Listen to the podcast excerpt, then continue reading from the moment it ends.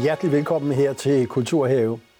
Min gæst har underholdt hele Danmark i det meste af hendes liv. Hun er et multitalent ud over det sædvanlige, og så kalder hun sig selv poptøs på sin hjemmeside.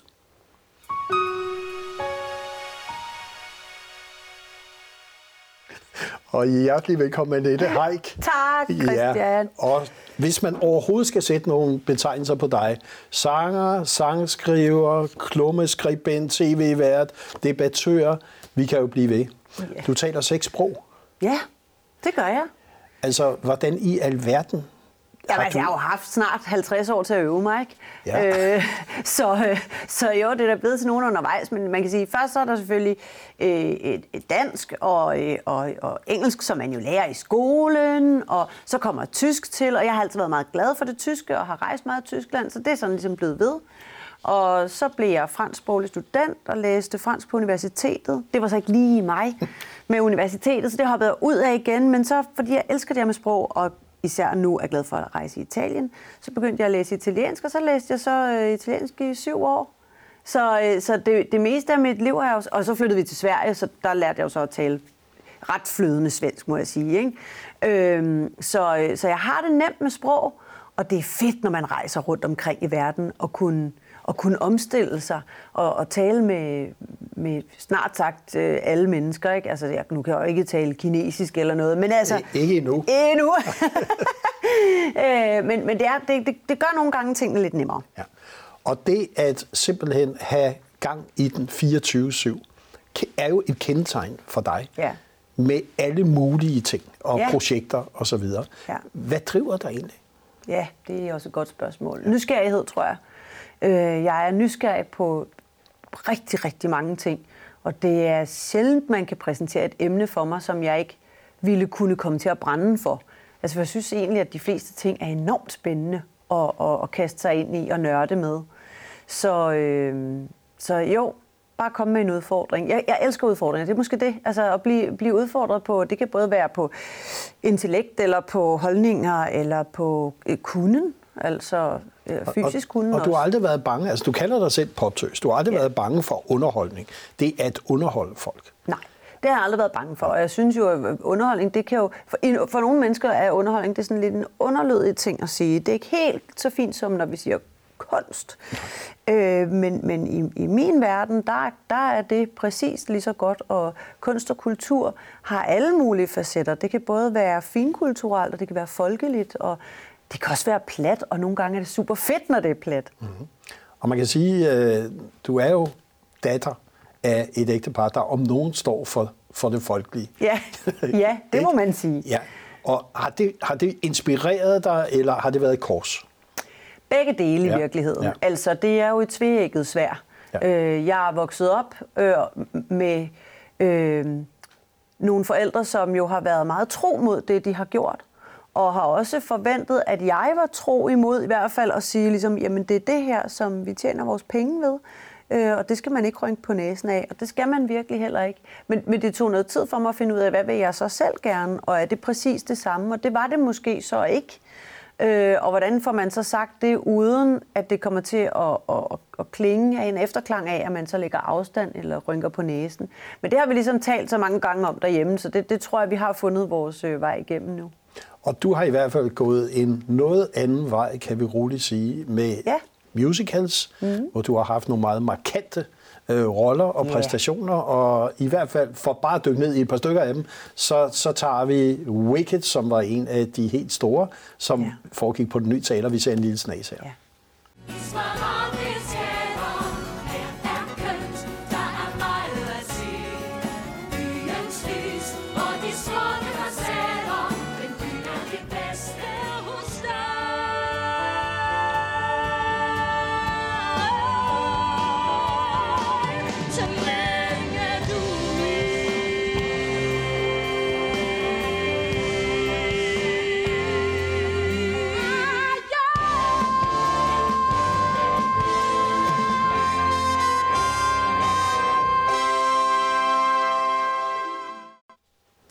Ja. Ja, ikke? det er, jeg får kuldegysning over hele kroppen, fordi ja. det var kæmpestort, det der. Ja. Altså, den musical ændrede mit liv. det, det skal der slet ikke herske nogen tvivl om. Den chance, som Niels Bo Valbro på det nye teater gav mig, den, øh, det var virkelig en game changer. Altså, der trådte jeg nok for alvor ud af min forældres skygge, og, og, og var ikke længere kun datteren, men også en, en kvinde med et eget navn. Og det, øh, det er jeg taknemmelig over, det er jeg stolt over. Øh, det krævede også et utroligt stort stykke arbejde, fordi øh, det, det, det tog altså hen ved halvandet år, hvor jeg var i træning på alle mulige lederkanter, skuespilmæssigt og sangmæssigt øh, havde jeg to gange to timer hos en af de aller fornemmeste sangcoaches, vi har herhjemme, Claus Møller. Så der blev sat alle sejl til, og det kunne dog jo kun, fordi det nye teater så øh, offrede øh, penge på det, ressourcer på, at uddanne mig til den her rolle. Og, det, og, vel, og vel også din egen stedighed. Og også min egen stedighed ja. selvfølgelig, ikke? Ja. Altså, fordi jeg ville det. Øh, men det at ville det er ikke altid nok. Der skal jo også være øh, noget, noget talent og noget held og noget timing og noget alt muligt. Men jeg, når jeg, når jeg, når jeg øh, trænede, fordi jeg løbetrænede også, så når jeg løb min rute, så var der bestemt hjørne, som jeg sådan løb omkring, og der talte jeg ned ligesom, og vidste godt sådan, okay, om to måneder, så er mit liv måske totalt forandret. For jeg vidste godt, det kunne være noget, der gik hen og forandrede alt. Og jeg vidste også, det kunne blive... Altså, leverede jeg ikke, så ville det jo være frygteligt. og så, vil, så måtte jeg være der, ikke? Jo. Ja. Og så kom så My Fair Lady, Eliza, ja. øh, på Aarhus Teater. Ja, som var en lifesaver, ja. fordi øh, øh, altså få dage inden vi starter prøver, der brækker Jesper, min mand, sin øh, nakke øh, i Thailand ja. på en ferie og bliver jo lam i første omgang fra brystet og ned. Øhm, går igennem operationer og kan jo i dag sådan nogenlunde gå, men er stadigvæk to tredjedel øh, invalid. Men, men i tiden omkring mig Fair Lady, øh, var det simpelthen... Øh, øh, øh, jamen altså en lifesaver, det, det, det, det, var, det reddede mig på et, et højere plan, at jeg kunne få lov til i dagtimerne at dykke ind i det univers og være en anden, og kunne ligesom lægge alt det andet forfærdelige fra mig. Det kunne jeg så tage hul på, når jeg kom hjem om aftenen, men det der med at få lov til at hvad man sige, lege mm. og finde sig selv og sin egen ben i det, det betød alverden for mig. Og forestillingen var altså helt igennem vidunderlig. Det var virkelig sådan en forestilling, som havde så meget fantastisk over sig, at jeg sådan glemtvis stadigvæk, stadigvæk kan få den op på nethinden. Så synes jeg, vi skal have et lille klip. Ja. ja. Tillad mig at præsentere Miss Eliza Doolittle. Miss Doolittle, en fornøjelse at træffe dem. Jeg håber og tror på, at det bliver dejligt at stå med premieren i aften, fordi for det første, nu har vi haft, nu har vi haft publikum inden et par aftener, og det har været altså, jeg har været beruset af det, den reaktion, der er kommet fra publikum. Det har været helt vildt, hvad der er sket øh, de her aftener. Så, så jeg håber da, at det vil være det samme, når vi står med premierepublikummet. Og det glæder jeg mig rigtig meget til, og samtidig så, øh, så er jeg ved at dø af skræk. Men det tror jeg nok, vi alle sammen er. Ja, det, det at have forventninger glæde, mm. og så også tragedien. Mm. Øh, hånd i hånd. Ja, den var, den var hård. Ja. Og jeg havde Jesper siddende nede i salen. Han ankom i kørestol hen til trappen foran Aarhus Teater, og øh, overtog så en øh, stok og gik op ad trappen med, med stokken. Ikke? Altså, ja. det var, det var barske løjer, mm. vil jeg sige. Og så boede jeg så i Aarhus i tre måneder, og Øh, folk var jo flinke til at fortælle mig, at jeg svigtede min familie, mens jeg boede der. Øh, men det, øh, det mener jeg nu nok, at vi selv havde rigtig, rigtig godt styr på. Og det, det skriver jeg også om i min bog. Mm-hmm. Øh, den, den periode, vi gennemlever der, for den ser meget anderledes ud i forhold til, hvad folk øh, forestiller sig. Og man kan sige, at du, du, du har skrevet en bog, som mm. både om dine, kan vi sige, op- og nedture. Ja øh, der hedder Datteren, mm-hmm. og som er tilgængelig her i efteråret, ja. øh, og som øh, man godt kan sige, hvor du lukker op, som du selv siger. Det tror jeg nok, man ja. kan sige. Ja. Der er ikke sparet på krudtet i forhold til at være ærlig og oprigtig der. Var, var, var det, det var nødvendigt at skrive den bog for dig? Øhm, altså, jeg blev i virkeligheden overtalt til at gøre det af, af, af Gyldendal, men, men, men efterhånden, som processen var i gang, øh, og jeg rigtig kom ind i stoffet, vil jeg sige, fordi det, det krævede, at jeg læste mine dagbøger. Og jeg har så altså skrevet dagbog, siden jeg var 11 år gammel, så der var pænt meget materiale at hakke sig igennem. Jamen, så, så, kom jeg jo i, så kom jeg jo igennem en form for vridemaskine, hvor jeg også får kigget på mig selv udefra, og for første gang egentlig kan løfte mig op i det der, altså i den voksnes øh, perspektiv, og kigge på barnet, og på den unge pige, og på den unge kvinde, og på den nybagte mor osv., med nogle friske briller. Og det er faktisk noget, tror jeg, rigtig mange mennesker kunne have glæde af at gøre for sig selv. Så, øh, så på den måde er jeg jo sindssygt glad for, at jeg har, har skrevet den. Øh, og jeg har selv skrevet hvert et ord. Og det er jo også, kan man sige, ret usædvanligt. Ja, det er det faktisk. De fleste ja. har en ghostwriter ja, ja, på, ja, eller nogen, der interviewer ja, eller noget. Ja. Og der, jeg er også blevet... Øh, der er journalister, der har henvendt sig, om ikke de måtte skrive mine erindringer tidligere, men øh, jeg har faktisk været i tvivl om, timing var den rigtige, og så... Øh, nåede jeg også til den erkendelse, at hvis den skulle skrives nogensinde, så skulle det være af mig selv. Ja. En, en anden rolle, vi er nødt til lige at vende lidt tilbage til din musical-karriere, mm. øh, er Evita. Ja. Øh, og Evita Perron, øh, Herning, øh, ja. Messecenter osv. Ja. Vi har en, en, en lille klip fra prøverne, og så synes jeg, at du skal fortælle, hvorfor den rolle kom til at betyde noget specielt for dig. Ja. Græd ikke mere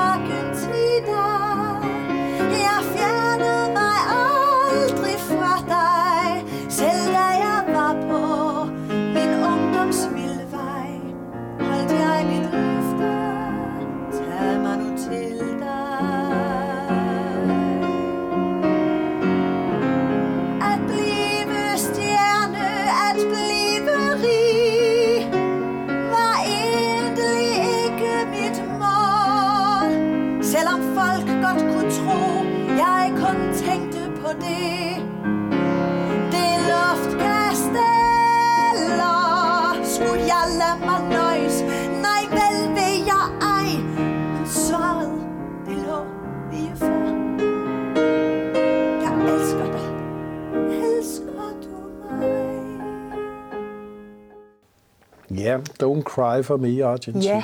ja, og ved du hvad, jeg har faktisk set den mange gange, øh, Christian, i, i, i London, og hver gang tænkte jeg, jeg synes, den var frygtelig tung. Øh, og i Herning, hvor det var Jens Frausing, der øh, i sin den, der må jeg sige, der fik den altså noget ny luft under vingerne. Jeg synes, det, vi formåede at øh, få nogle ekstra facetter på, øh, på Evita, øh, som jo i Andrew Lloyd Webbers udgave er meget ensidig. Hun er meget sort. Han bryder mm. sig virkelig ikke om hende, kan man godt mærke. Øh, men vi fik lov til at vise noget sårbarhed, og det kunne jeg rigtig godt lide.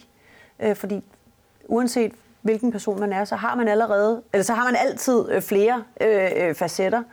Og, øh, og jeg gjorde et enormt arbejde med at, at læse om den rigtige øh, Eva Peron. Mm og faktisk også hele efterspillet efter hendes død og sådan noget, som er voldsomt spændende at dykke ned i.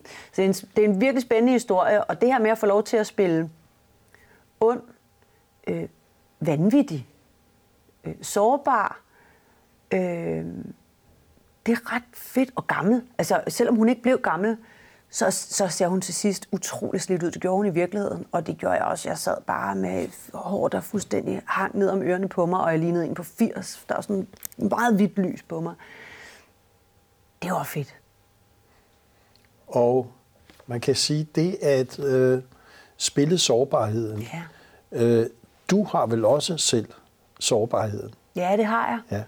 Og er ikke specielt god til at vise den faktisk. Øh, så det har... Øh, det har egentlig taget noget tid, øh, også at vise den altså privat over for min, min, over for min egen mand, fordi jeg hele tiden hente den, det skal jeg nok klare, det skal du ikke tage mm. dig, I, fix, ikke?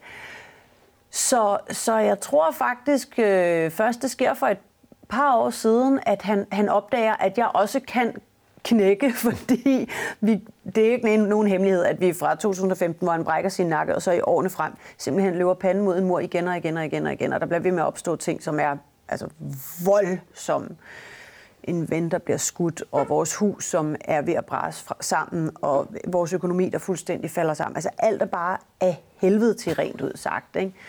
Øhm, og, øh, og, og, og da det er aller værst, så brækker vores store søn Elliot benet, da han står på, på skateboard. Og prøv at høre, så noget sker jo, det ved vi alle sammen, og det er farligt at løbe på skateboard.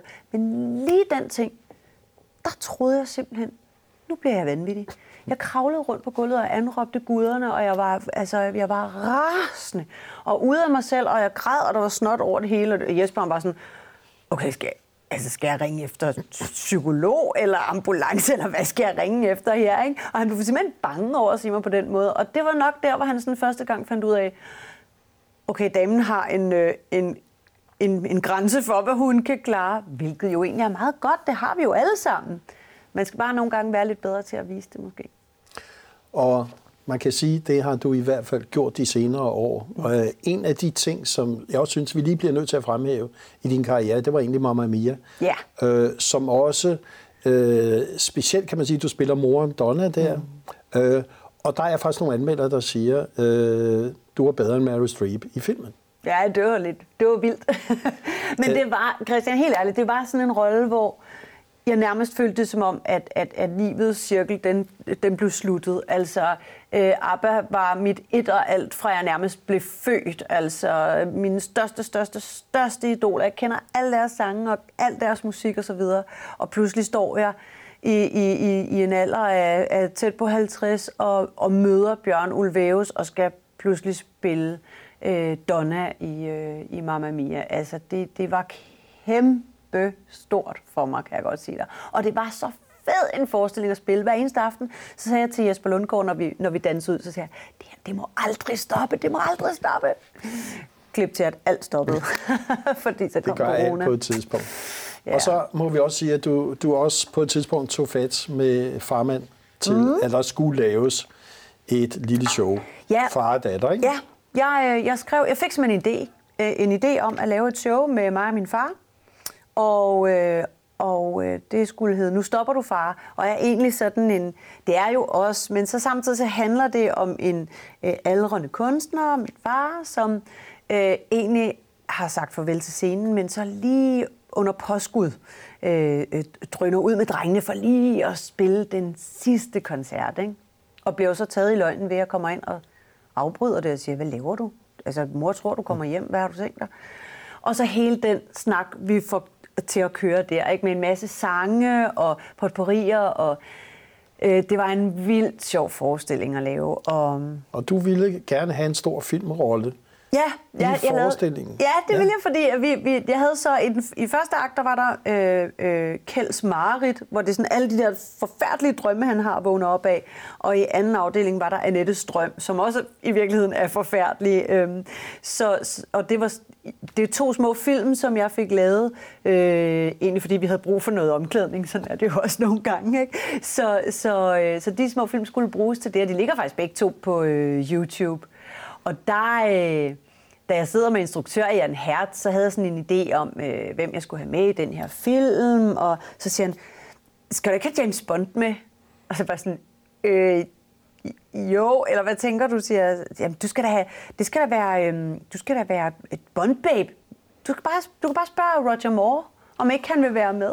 Og det gør du her. ja. Du kommer her. Ja. A dry martini, please. Shaken, not stirred. Merci. Hello. Hello. So, how do I get the part? Well, well, first of all, it's the body. You have to move like a Bond girl.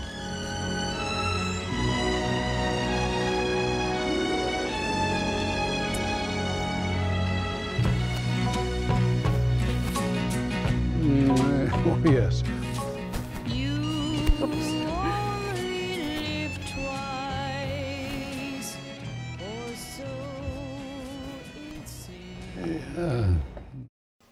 ja, og vi er i gang med Kulturhave, og min gæst er Annette Haik, og som lige har prøvet at være blive Bond Babe. Det lykkedes ikke så godt. øh, Men det lykkedes at få Roger Moore med. Og det må man sige er et skub. Ja. Yeah. Helt sikkert. Ja. Så vi sender, vi sender ham en god tanke. Ja, det gør vi. Ja. Øhm, en anden ting, som skete under corona, og det bliver vi nødt til lige også at få med, der skete noget for dig under coronaen, mm. for du blev meget tydelig. Øh, mm. Der kom nogle klummer og noget andet om, mm. hvor vigtigt er det, at vi står sammen, mm. og kulturens betydning, og også en, et, kan vi sige, en kritisk holdning over for den daværende kulturminister. Ja. Øhm, hvad var det egentlig, der skete der for dig? Jamen, øh, uh, der skete mange ja. ting. Altså både at, øh, først var jeg nærmest bange for at få en eller anden form for depression, fordi det var simpelthen så voldsomt, det der med at blive sendt hjem, og ikke måtte tænke tanker, altså ikke måtte være kreativ, for det er vi jo vant til. Ja. Øhm, og så blev jeg jo klar over, at der er nogle mennesker, som, som, øh, som styrer vores land, som ikke forstår, hvad, hvad kultur er, hvilket også er en frygtelig indsigt at få. Øhm, øh, og, og, og, og klip til, at det jo så også går op for mig, at vi faktisk i kulturens verden er dårlige til at stå sammen. Ja. Øhm, og det tror jeg, vi alle sammen har erkendt på kryds og tværs. Alle prøvede ligesom at, at, at redde sig selv, hvor jeg forsøgte i hvert fald at sige, at vi er nødt til at finde ud af øh, at skabe et fundament sammen nu. Øh, jeg ved faktisk ikke, om vi er blevet klogere på den front. Det er, det er en lille smule i tvivl om, om vi er. Men, øhm, Men du gjorde i hvert fald noget jeg inspireret gjorde, jeg, af dine jeg, jeg, børn, gjorde noget, ja, altså lavede en, en samlet en masse kunstnere. Ja, det gjorde jeg. Øh, og jeg synes lige, vi skal se et lille ja. klip fra, fra ja. det, du gjorde. Ja.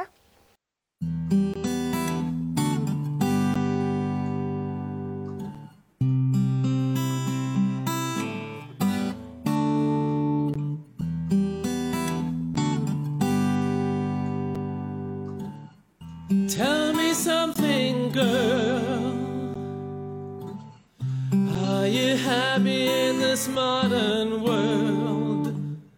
Or do you? Something else you're searching for? I'm falling. And in the good times, I find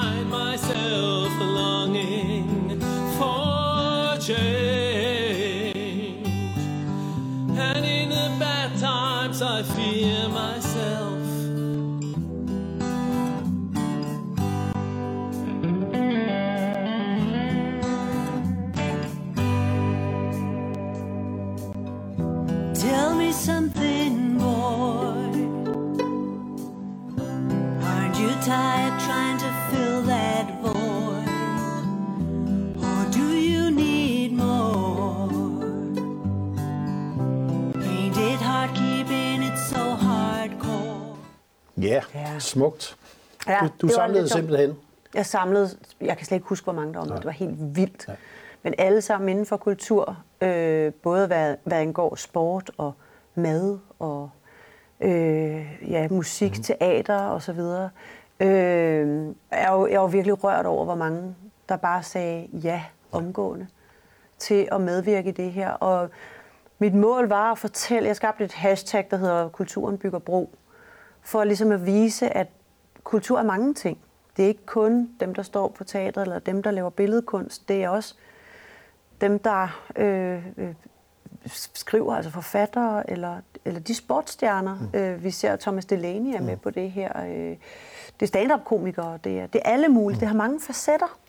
Og jeg kunne godt tænke mig, altså hvis jeg, hvis jeg skulle have et højere mål med det, også sådan på den lange bane, så ville jeg ønske, at vi kunne blive i stand til at lave et analyseinstitut for kulturen, så vi kunne få nogle flere parametre og måle kulturen på, så vi kunne vise, når der opstår sådan noget som corona, helt ned faktuelt, hvor mange penge tjener kulturen hjem til danskerne, hvor mange øh, børn får et bedre liv på grund af kulturen. Altså sådan nogle ting, nogle tal på det. Øh, og øh, Ja, jeg ved ikke, om vi nogensinde når i mål med det. Ellers må jeg jo prøve at se, om jeg kan blive kulturminister. og jeg skal lige til at spørge her, Annette, hvad, ja. hvad, hvad, hvad står der på paletten fremover? Vil vi se en Annette Haik i den kommende tid, som vi altid har set hende, eller kommer der til at ske nye ting? Åh, oh, der kommer til at ske så mange nye ting, som ligger i pipeline nu. Øh, den første er, at jeg skal optræde på det kongelige teater. Det har jeg ikke prøvet før. Mm i øh, forestillingen Matilda på gamle scener. Der spiller jeg hen over vinteren. Det glæder jeg mig helt åndssvagt til. Ja. Og så kan jeg da godt allerede nu sige, at der er, der, der er ting på beding, som folk i hvert fald ikke havde forventet. Og jeg er helt sikker på, at du kommer til at overraske os. Jeg er også helt sikker på, at jeg glæder mig til at læse din bog. Datteren også, for der er garanteret også overraskelser i. Ja, og du har også nævnt i den, Christian. Okay, ja. og så, så vil jeg også sige, at den stemme, som vi har oplevet, Annette Haik også have her i de senere år, både med hensyn til ulighed i musikbranchen, MeToo og så videre, at det alt sammen pynter. Tak. Så vi glæder os til at følge dig fremover. Tak fordi du kom i Kultur her. Tak fordi jeg måtte.